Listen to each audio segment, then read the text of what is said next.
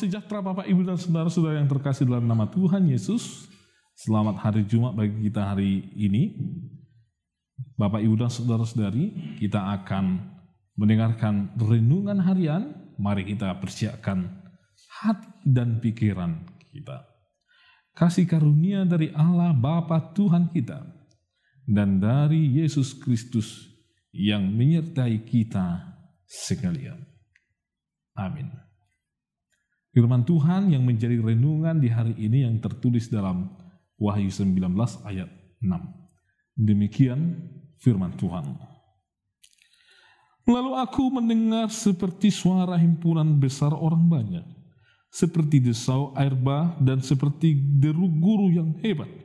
Katanya, Haleluya, karena Tuhan Allah kita yang Maha Kuasa telah menjadi Raja. Itu pembacaan firman Tuhan. Saudara-saudara yang terkasih dalam nama Tuhan Yesus, kita percaya bahwa Kristus pasti datang untuk yang kedua kalinya, untuk kita orang-orang yang percaya. Siapa pun yang percaya kepada Kristus, dia pasti percaya bahwa Kristus akan datang untuk yang kedua kalinya. Itu yang digambarkan di dalam Wahyu 19 ini, bahwa siapa pun dari orang-orang yang percaya kepada Kristus Raja Gereja itu, dia akan ikut dalam sekelompok atau sekawanan besar orang-orang yang berkumpul untuk memuliakan, memuji nama Allah. Karena pada waktu itu akan ada dilaksanakan upacara pernikahan anak domba. Dalam penglihatannya di Patmos oleh Yohanes, Yohanes melihat bahwa dia mendengar katanya suara himpunan dari orang banyak yang memuji Allah pada hari pernikahan itu, yaitu pernikahan anak domba tersebut. Istilah ini sebenarnya diambil oleh Yohanes dari pengalaman atau tradisi atau ada istiadat yang terjadi di masa lampau, di zaman Yesus. Bapak, Ibu, dan Saudara-saudari, bagaimana itu pernikahan di zaman Yesus itu? Yang pertama, ada tahap yaitu yang disebut dengan bahwa ikatan pernikahan itu dimulai dari kesepakatan antara kedua orang tua mempelai tersebut. Orang tua mempelai laki-laki akan datang membayar mahar kepada perempuan dari ke, membayar mahar daripada perempuan yang hendak akan dinikahi oleh anak mereka. Kedua orang tua mempelai laki-laki dan perempuan berjumpa dan membayar mahar. Proses ini sama dengan konsep tunangan yang terjadi antara Yusuf dan Maria, ibu Yesus. Sebagaimana yang tertulis dalam Matius 1 ayat 18 dan Lukas 2 ayat 5. Tahap kedua biasanya berlangsung sampai setahun setelahnya mempelai pria akan ditemani oleh pendampingnya datang ke rumah mempelai perempuan di tengah malam diikuti dengan iringan-iringan pembawa obor di sepanjang jalan si mempelai pria akan datang ke rumah si mempelai perempuan dan si mempelai perempuan akan bersiap-siap untuk menyambung bagaimana kedatangan dari si mempelai laki-laki tersebut. Tentunya si mempelai perempuan akan ditemani oleh para pendamping-pendampingnya. Kemudian nantinya setelah mempelai laki-laki sampai di rumah dari mempelai perempuan, mereka akan bergabung di sana. Ini yang digambarkan dalam tradisi yang dituliskan di dalam Matius 25 ayat 1 sampai 13 yaitu tentang adanya 10 wanita. Ada lima wanita yang bijaksana dan ada wanita yang tidak bijaksana lima orang lagi. Lalu tahap yang ketiga adalah yaitu pesta pernikahan itu sendiri yang berlangsung sampai berhari-hari seperti kisah pernikahan di Kana. Bisa kita baca di Yohanes 2 ayat 1 sampai 2. Penglihatan Yohanes di dalam kitab Wahyu ini merupakan tahap yang ketiga dari pernikahan tersebut menurut ada istiadat orang Yahudi pada saat itu. Berarti dua tahap sebelumnya sudah dilewati, sudah berlangsung dan sekarang tahap yang ketiga sedang berlangsung yaitu bahwa orang-orang yang percaya kepada Kristus bahwa orang-orang yang mengenal Kristus dan percaya kepadanya yaitu Kristus itu adalah juru selamat sedang ikut di dalam acara pernikahan tersebut. Mahar yang harus dibayarkan kepada orang tua mempelai atau Allah Bapa adalah darah Kristus itu sendiri yang mewakili mempelai perempuan. Gereja di bumi hari ini seolah-olah menjadi tunangan dari Kristus. Seperti halnya para perempuan di dalam perumpamaan tadi di Matius 25 ayat 1 sampai 13. Semua orang percaya harus dengan sabar dan setia menantikan kedatangan mempelai pria tersebut, yaitu menantikan kedatangan Kristus untuk yang kedua kalinya. Tahap kedua disimbolkan oleh sebagai pengangkatan gereja kelak ketika Kristus datang menjemput mempelai perempuan untuk dibawa ke rumah Bapa perjamuan nikah dan anak domba akan menjadi tahap yang ketiga dan yang terakhir. Kita percaya bahwa perjamuan nikah anak domba ini akan berlangsung di surga, terjadi antara tahap pengangkatan orang-orang percaya dan kedatangan Yesus untuk yang kedua kalinya ke dunia ini. Maka dari isi itu Bapak, Ibu, dan Saudara-saudari, berbahagialah mereka yang diundang ke perjamuan nikah anak domba tersebut. Perjamuan nikah anak domba Allah adalah perayaan agung bagi mereka yang sudah hidup di dalam anugerah Kristus itu sendiri. Saudara-saudara yang terkasih dalam nama Tuhan Yesus Kristus, tentunya kerinduan kita semua sebagai gereja, sebagai milik Kristus, Allah menjadi mempelai Kristus pada saat perjamuan kawin anak domba nantinya. Dari perikop ini kita mau belajar beberapa hal dalam rangka menyembah Allah yang Maha Kudus itu. Iya, yang pertama, kita harus menjadi pengantin dari anak domba Allah. Kita harus siap menjadi pengantin tersebut. Kesiapan kita bisa kita lihat dari diri kita sendiri. Bagaimana ciri-ciri orang yang sudah siap menjadi pengantin anak domba Allah tersebut? Yang pertama yaitu memiliki kedewasaan rohani. Salah satu syarat orang untuk menikah adalah dia harus sudah dewasa, bukan anak-anak lagi. Bagaimana mungkin seorang anak dinikahkan? Untuk itu Bapak Ibu dan Saudara-saudari yang terkasih dalam nama Tuhan Yesus, karena kita ini sebagai umat Tuhan, sebagai mempelai dari Kristus, kita harus dewasa sebagai umat kepunyaan daripada Tuhan itu. Rohani kita harus dewasa.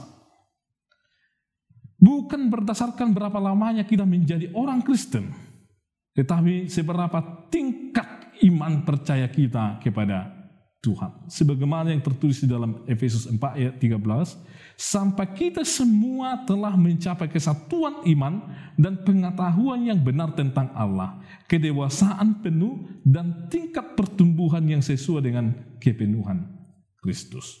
Untuk itu Bapak Ibu dan Saudara-saudari, syarat pertama untuk menjadi pengantin atau mempelai perempuan dari Allah itu atau Kristus itu yaitu bahwa kita harus memiliki kedewasaan rohani.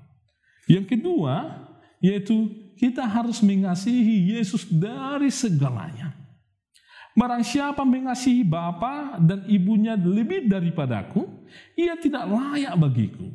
Dan barang siapa mengasihi anaknya laki-laki dan anaknya perempuan lebih daripadaku, ia tidak layak bagiku. Itu dikatakan Yesus dalam Matius 10 ayat 37. Bapak, Ibu, dan Saudara-saudari, mari kita ingat bahwa hanya pasangan yang saling mengasihilah yang akan menikah. Jika seseorang tidak mengasihi pasangannya, bagaimana mereka bisa menikah?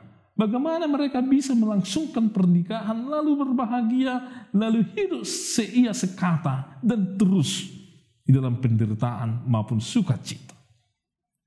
Untuk itu Bapak, Ibu, dan Saudara-saudari, tanda-tanda orang yang menjadi orang yang menjadi mempelai dari Kristus adalah dia harus siap mengasihi, dia harus dekat dengan pasangannya, dan dia harus sangat mengasihi siapa pasangannya. Kalau Kristus adalah menjadi mempelai pria bagi kita dan kita adalah mempelai perempuan, tentunya kita harus sangat mengasihi Kristus di dalam hidup kita.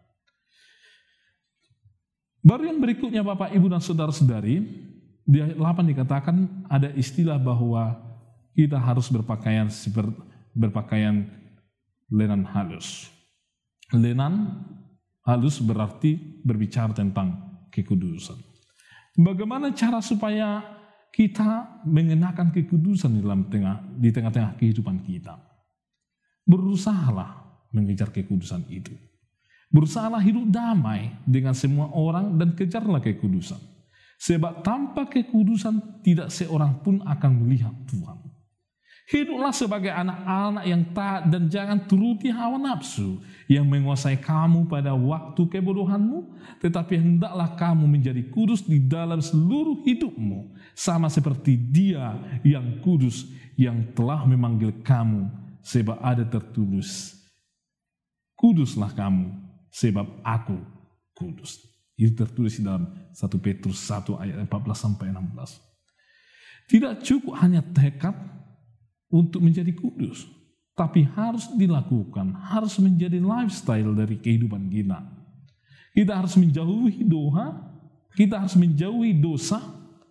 Kekudusan mengandung pengertian terpisah dari cara-cara hidup yang fasik dan cara-cara hidup yang jauh dari Allah. Kekudusan itu mengandung arti bahwa kita harus takut dan taat kepada Allah serta menyembah Allah di mana pun kita berada.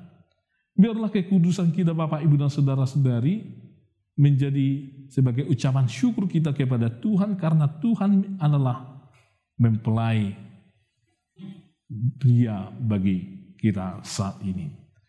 Bapak, Ibu, dan Saudara-saudari, agar kita kelak menjadi orang-orang yang berbahagia karena kita ditundang oleh Allah untuk memuliakan dan menyembah Allah, marilah kita menjadi orang-orang yang kudus di tengah-tengah hidup kita.